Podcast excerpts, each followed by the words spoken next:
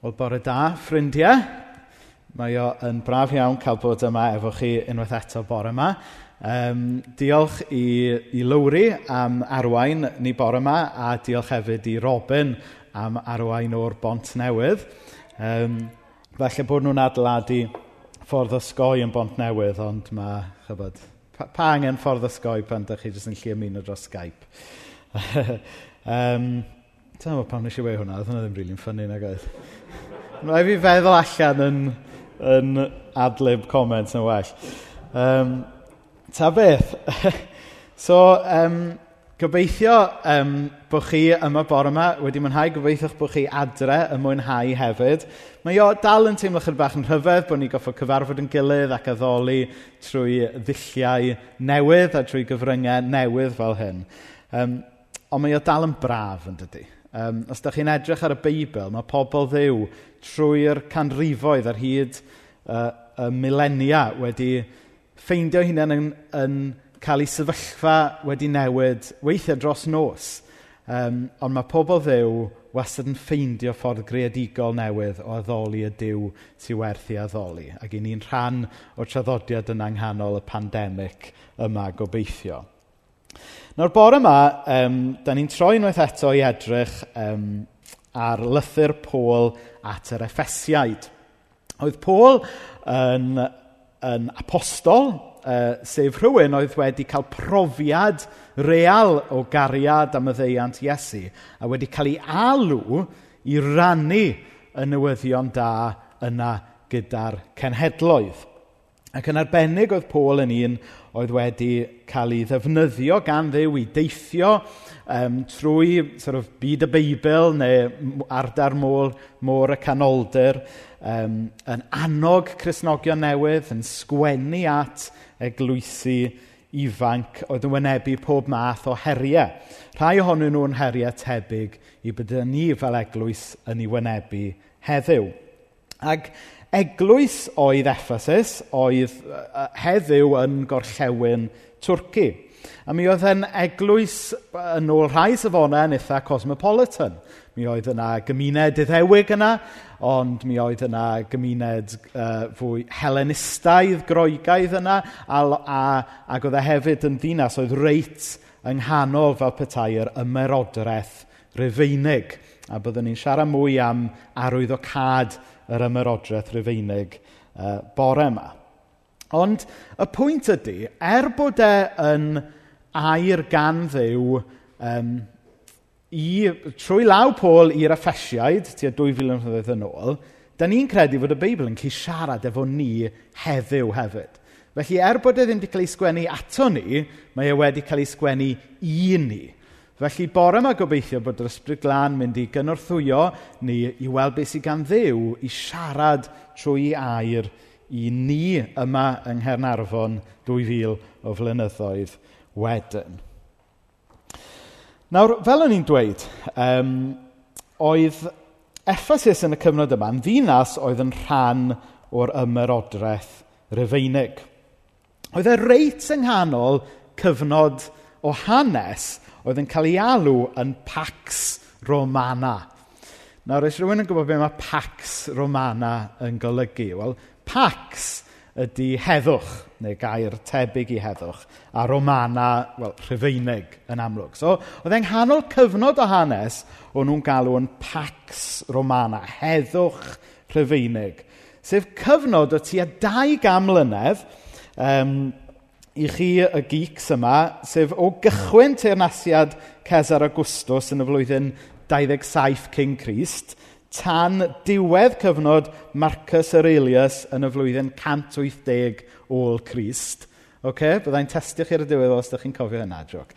Um, so cyfnod y tua 200 mlynedd. A mewn termau cymharol, mi oedd y 200 mlynedd yma yn gyfnod o so-called heddwch yn yr ymerodraeth Rufeinig.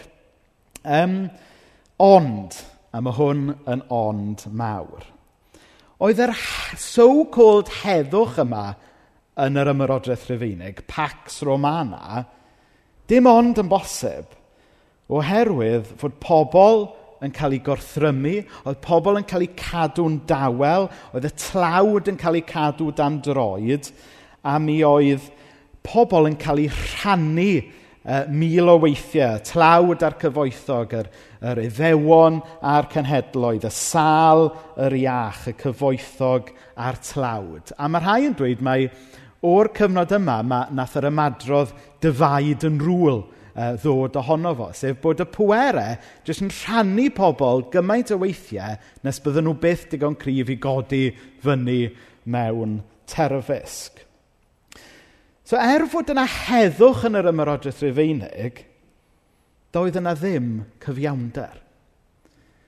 Oedd yna heddwch dim ond achos bod nhw'n dal pobl dan droed. Felly oedd e'n rhyw heddwch ffrajail iawn yn rhifain ar y pryd. Oedd e'n heddwch oedd heb gyfiawnder. A falle bod chi'n gyfarwydd gyda slogan um, un adain be bynnag o'r mudiad hawliau, hawliau sifil sy'n dweud no justice, no peace. Neu fel nath y pab ddweud yn 1972, if you want peace, work for justice.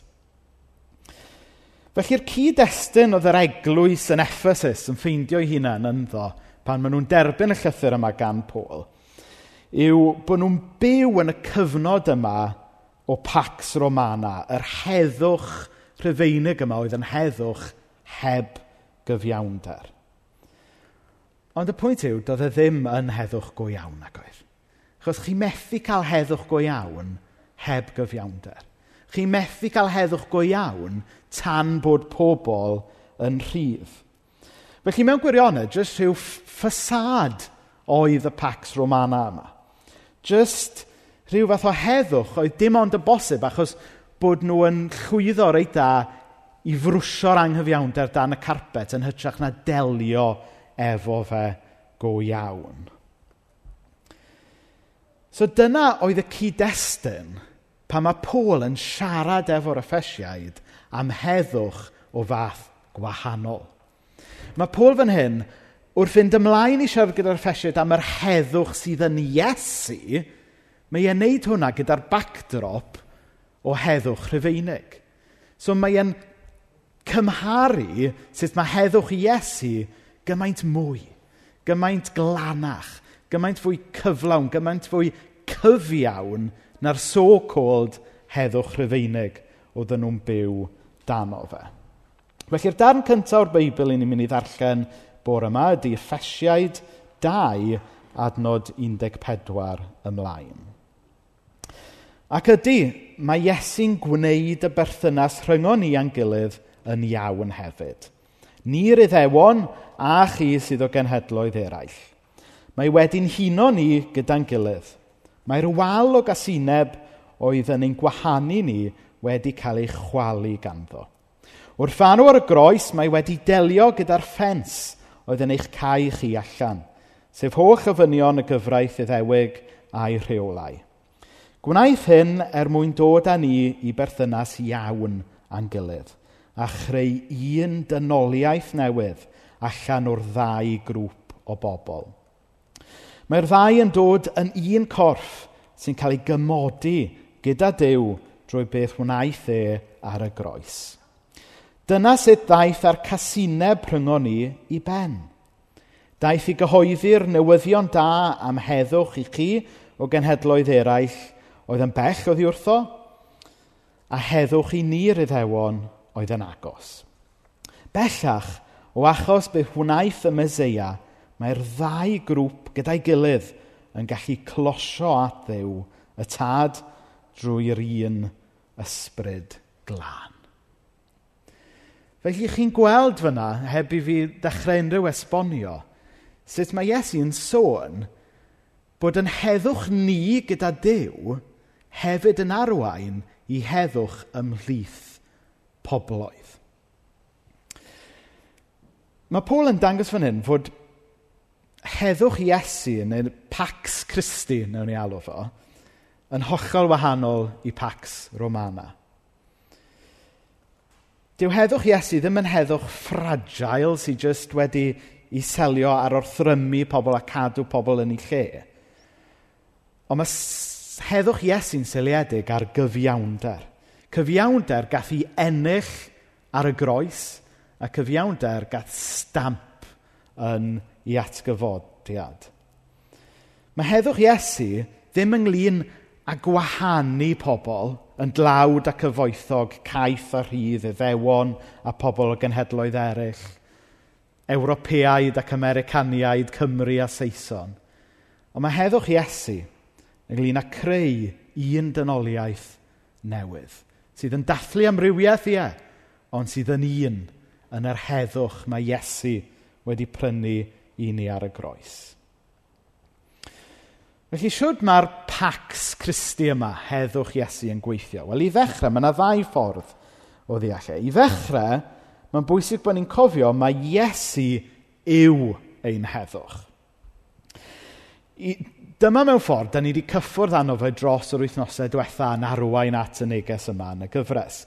Sef, o ran y nerth ni yn hunain, mae yna rhyw elyniaeth rhyngddo ni a Dyw, oherwydd bod ni gyd basically yn born rebels.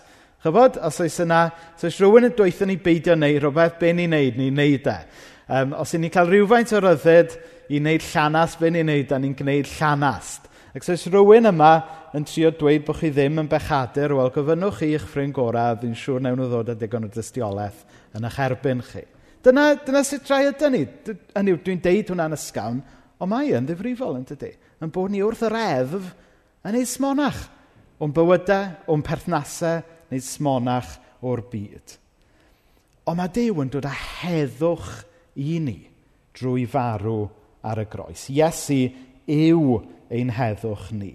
Ac felly, fe allwn ni orffwys bod dim rhaid i ni drio gwneud yn gorau er mwyn ennill rhyw heddwch, ond hytrach fe allwn ni edrych ar Iesu ar y groes na ddweud gorffennwyd. Ac felly, yn Iesu mae ein heddwch ni. Dyma yw'r elfen bersonol o'r ffydd grisnogol, sef yr angen i ni gyd ddeall fod Iesu wedi marw i gymodi y byd efo fe ei hun, ond mae e hefyd wedi marw dros da ti, dros da ti, dros da ti. Mae e wedi galw arno ni wrth ein enw. Felly Iesu yw ein heddwch. Ond, a mae hwn yn of, ond pwysig a dyma da ni'n mynd ymlaen i weddill y neges bore yma. Er fod y ffydd grisnogol yn ffydd bersonol, dyw e ddim yn ffydd breifat. Um, I ni'n gweld trwy y Beibl fod Dyw yn cymodi pobl, plural. Mae e gyntaf yn gweithio drwy'r genedl iddewig, a wedyn mae e yn dweud bod e'n caru'r ddynoliaeth newydd yma.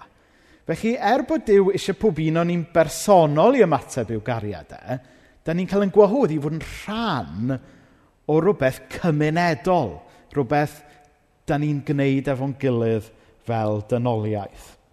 Nawr nos Wener, o'n i'n, um, nes i amena diwnio mewn i gynhadledd ar-lein gan BMS, yr Baptist Missionary Society. Ac un o siaradwyr oedd ymdiwynydd eitha enwog o'r en, enw Stanley Hawrwas. Nawr, dwi mwy na thew wedi ynganu i gyfenw fe'n anghywir. Ac i chi sy'n gwybod pwy yw e'n yn gwybod am ei syniadau fe, mae e, e'n slightly controversial. Ond trwy'r controversy, mae e'n dweud lot o bethau pwysig iawn. Um, a nath e ddweud yn, yn eitha controversial os wener, I can't think of anything worse than having a personal relationship with Jesus. Nawr, beth oedd e'n golygu oedd, oedd e'n wneud y pwynt yn bod ni fedyddwyr, falle, yn anhofio Mae pwynt cael perthynas bersonol efo Iesu ydy wedyn dod yn rhan o'r eglwys ac o gymuned y ffydd. Hynny yw bod Cresnogaeth fodern wedi mynd bron yn rhy bersonol ac unigolyddol, a bod ni'n anhofio mae cael yn galw i fod yn rhan o bobl, o ddynoliaeth, o eglwys ydy ni. Ac uh, allai ddechmygu pobl trwy'r byd yn tŵn y mewn i'r gynhadledd a'n clywed yn dweud hynna. Ond wedyn, oedd yn mynd mlaen i esbonio ac oedd rhywun yn deall y pwynt oedd gyda fe. Mae Dew eisiau ni gael ffydd bersonol, ond dyw e ddim eisiau'r ffydd yna i fod yn breifat. A mae hwnna'n mynd mlaen at yn, at yn ail bwynt i. So, pwynt cyntaf, Iesu yw ein heddwch. A wedyn mae Iesu yn gwneud heddwch. Yn ystod gweinidogaeth Iesu ar y ddeiar, y dair blynedd yn arwain i fyny at wythnos y Pasg, i ni'n gallu gweld y mywyd Iesu, sut oedd Pax Christi, heddwch Iesu, yn wahanol i Pax Romana. A i ni'n gweld manifesto Iesu yn fwyaf clir yn lyc pedwar a, ac yn rhyfedd iawn heb bod ni wedi um, trefnu efo'n gilydd, nath Robin ddarllen yr adnodau yma o Ezeia. Um, ond dwi'n mynd i ddarllen nhw eto um, o Luke. So Luke um, penod pedwar adnod un deg chwech. So mae hwn ydy mewn ffordd Iesu yn dechrau i weinidogaeth gyhoeddus. A daeth i Nazareth, lle cafodd ei fagu, a mynd i'r synagog ar y saboth fel roedd yn arfer ei wneud. Safodd ar ei draed i ddarllen o'r ysgrifau sanctaidd – Sgrôl proffwydoliaeth Ezea gafodd ei roi iddo. A dyma fe'n ei agor a dod o hyd i'r darn sy'n dweud, Mae ysbryd yr arglwydd arna i, oherwydd mae wedi fy neinio i gyhoeddi newyddion da i bobl glawd. Mae wedi fy anfon i gyhoeddi fod y rhai sy'n gaiff i gael rhyddid a phobl sy'n ddall i gael ei golwg yn ôl a rhai sy'n cael eu camdrin i ddianc o afael y gormeswr. A dweud hefyd fod y flwyddyn i'r arglwydd ddangos ei ffafr wedi dod. Ceodd y sgrôl a'i rhoi yn ôl i'r dyn oedd yn arwain yr oedfan y synagog ac yna eisteddodd. Mae fel the ultimate mic drop, dydy. um, roedd pawb yn y synagog yn sychu arno. Yna dywedodd, mae'r geiriau yma o'r ysgrifau sanctaidd – wedi dod yn wir heddiw. Ac felly, yn y, sort of, y manifesto yma ar ddechrau gweinidogaeth Iesu, a wedyn beth ni'n gweld yn y dair blynedd yn dilyn, i ni'n gweld yn ymarferol sut oedd heddwch Iesu yn wahanol i heddwch rhifain. Ni'n gweld fod heddwch Iesu'n cyhoeddi newyddion da i bobl dlawd. Mae'n cyhoeddi fod y caiff i gael rhyddid. Fod yna iachad i'r dall gael ei golwg yn ôl. Fod yna gyfiawnder yn bosib i bobl sy'n cael eu camdrin. Ac felly, ffrindiau, os ydy ni yn bobl sy'n credu mae Iesu yw ein heddwch ni, ddylen ni hefyd yn nerth yr ysbryd glân fyw yr heddwch Iesu hefyd. Nawr, falle bod rhai ohonoch chi yn gwylio adre neu'n iste yn eich sedd yma bore yn meddwl, o-o, mae Rhys yn mynd yn political nawr.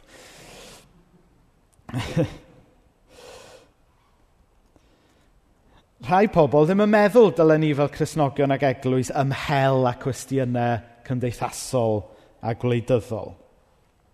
Ond fel wedodd Gwilym Hiraethog, awdur yr emyn enwog um, Dyma Gariad fel y Moroedd. Os wnewn ni daflu cwestiynau gwleidyddol allan o'r eglwys, mae'n ymlaen i ni daflu'r Beibl hefyd. Mae heddwch Iesu yn cynnig iachawdwriaeth gyflawn i bobl. Ydy mae e'n cynnig iachadu'r enaid, ond mae e'n gofalu ar ôl y person cyfan hefyd. Mae e'n neud yn siŵr fod pobl yn cael y cyfiawnder dydy pwerau'r byd falle ddim yn gallu i gynnig. A mae heddwch go iawn dim ond yn bosib pan mae cyfiawnder yn cael i le. A weithiau mae galw allan anghyfiawnder yn awkward, yn dydy, Chybod? Um, mae pobl yn meddwl bod pobl sy'n galw allan ang anghyfiawnder yn bobl awkward. Neu fel nath Priti Patel al alw rhai pobl yn yr wythnosau diwethaf, do-gooders yw pobl sy'n galw allan anghyfiawnder anghyfiawnder.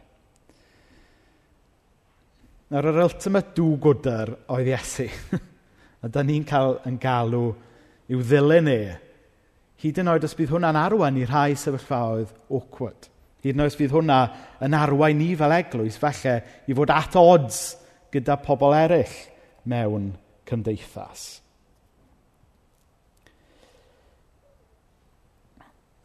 Nawr fi'n poeni weithiau a mae hwn yn wir amdana i, yn bod ni fel Cristnogion modern, yn arbennig falle Cristnogion o'r traddodiad fwy efengylaidd, allech chi ddweud, yn hapus i gael Iesu fel ein heddwch, ond bod ni'n anwybyddu'r alwad i wneud heddwch fel Iesu hynny yw bod ni'n hapus i gadw Iesu fel rhyw fath o masgot bach personol dan ni falle yn cadw yn ein poced. Sgan i'n poced fan hyn, ond chi'n deall beth sydd gyda fi. Bod bo ni'n hapus jyst i gael rhyw ffydd um, hollol curated a personol sy'n jyst yn siwtio ni. Heb anhofio ar alwad i gerdded y llwybr y cerddodd efe. Nawr dwi am orffen y bore yma drwy adael i Bono, prif leisydd U2, gael y cair olaf. Nawr, un o gyneuon enwacaf y band U2 ydy'r gan uh, arbennig Sunday, Sunday, Sunday Bloody Sunday. Can gafodd ei sgwennu yn dilyn um, y gyflafan ofnadwy yn deri yn 19 7.2. Nawr i chi sydd ddim yn gyfarwydd efo'r hanes, mi oedd yna um, orymdaith heddychlon uh, trwy y ddinas ar y diwrnod yna yn galw am hawliau cyfartal i'r wahanol gymunedau yng Ngogledd Iwerddon. Ac, um, ac yn drist iawn, fe gafodd 26 um, o bobl ddiniwed i seithi, a nath 14 ohonyn nhw farw. Ac Ac oedd pawb yn lleol yn gwybod fod y rhai gath ei seithi. Rhai ohonyn nhw'n cael ei seithi yn eu cefn tra oedden nhw'n ffoi rhag y milwyr. Um, a fe gymerodd i 38 o flynyddoedd um, cyn i'r um, safl yn cwair i fi meddwl ddweud yn swyddogol fod dim bai ar y rhai gath i seithi. Ac wrth gwrs, fe, fe ddigwyddodd y digwyddiadau trist yna um, oedd yn rhan o sut nath pethau mynd o ddrwg i waith wedyn yng Ngogledd Iwerddon a'r carfannu rhwng y, y wahanol gymunedau. A'n trist iawn gweld pobl yn trio cymryd heddwch mewn i'w dwylo eu hunain, yn trio ymladd am gyfiawnder mewn i'w dwylo eu hunain, ar, a wedyn y cilch trais yma yn cael ei sefydlu. A wedyn geiriau y can U2. How long, how long must we sing this song? A mae unrhyw un sydd wedi wynebu anghyfiawnder yn ffeindio'i falle falle'n gofyn y cwestiynau yna am ba hyd sy'n rhaid i'r anghyfiawnder yma barhau. Dyna yw'r geiriau mae'r cymuned croenddi yn gofyn yn America ar hyn o bryd. Dyma yw'r geiriau. Mae yna deuluoedd yma yng Nghernarfon sy'n methu deall y system universal credit yn gofyn ac yn stryglo i gael bwyd ar y bwrdd yn y cyfamser. Dyma yw'r geiriau falle mae rhai sydd wedi cael eu camdrin. Cael eu camdrin hyd yn oed gan arweinwyr eglwysig yn gofyn. Pa mor hir sy'n rhaid i'r anghyfiawnder yma barhau. Ac yng nghanol y, y tywyllwch yma, mae pobl yn teimlo bod nhw'n goffod cymryd cyfiawnder mewn i'w dwylo i hunain. Ond, Iesu yw ein heddwch ni. Iesu sy'n dod â heddwch drwy ddelio efo cyfiawnder. Ac ultimately mae Iesu eisoes wedi dod â cyfiawnder drwy fuddugoliaeth ar y groes. A mae eto, mae Bono o U2 yn llunellau olaf y gan yn dweud hynna. The real battle has just begun. To claim the victory, Jesus won. Mae Iesu eisoes wedi ennill y frwydr. Mae Iesu eisoes wedi prynu yn heddwch ni. Mae Iesu eisoes wedi prynu cyfiawnder. Ond fel mae'r llinell cynt yn dweud, the real battle has just begun. Da ni nawr fel eglwys yn cael yn galw i fod yr heddwch yna mewn byd sydd yn gweiddi am gyfiawnder. Na mae'n bwysig bod ni ddim yn rhoi yn ffydd yn Pax Romana, yn Pax Britannia, Pax Americana, neu hyd yn oed Pax Gales. Pobl yn meddwl, o, os ddeith Cymru'n wlad annibynnol, bydd popeth yn gret. Na, ddim yn gweithio fo yna.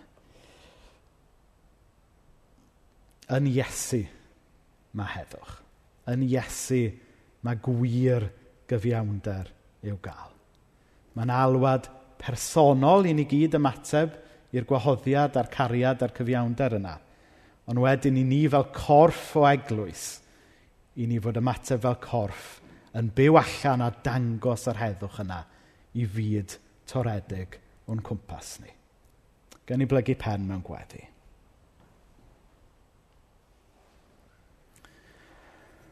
o ddiw dad. Da ni jyst yn cyflwyno pawb sydd yma bore yma a pawb sydd yn gwylio o adre. Ti sy'n gwybod pa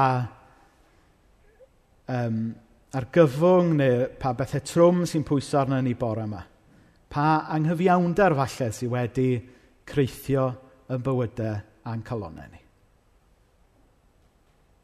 Wel, bore yma ddiw dad, gad i ni gredu a chael cysur, mae Iesu yw yn heddwch a'n cyfiawnder ni.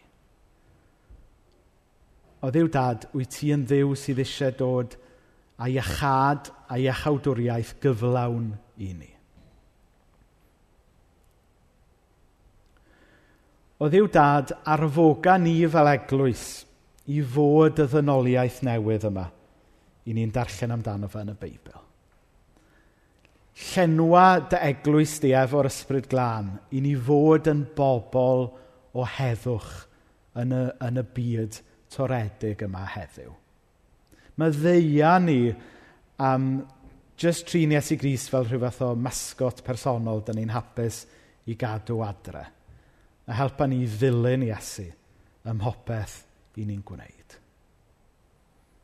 A ddiw dad, ni'n cyflwyno hyn yn enw Iesu. Amen.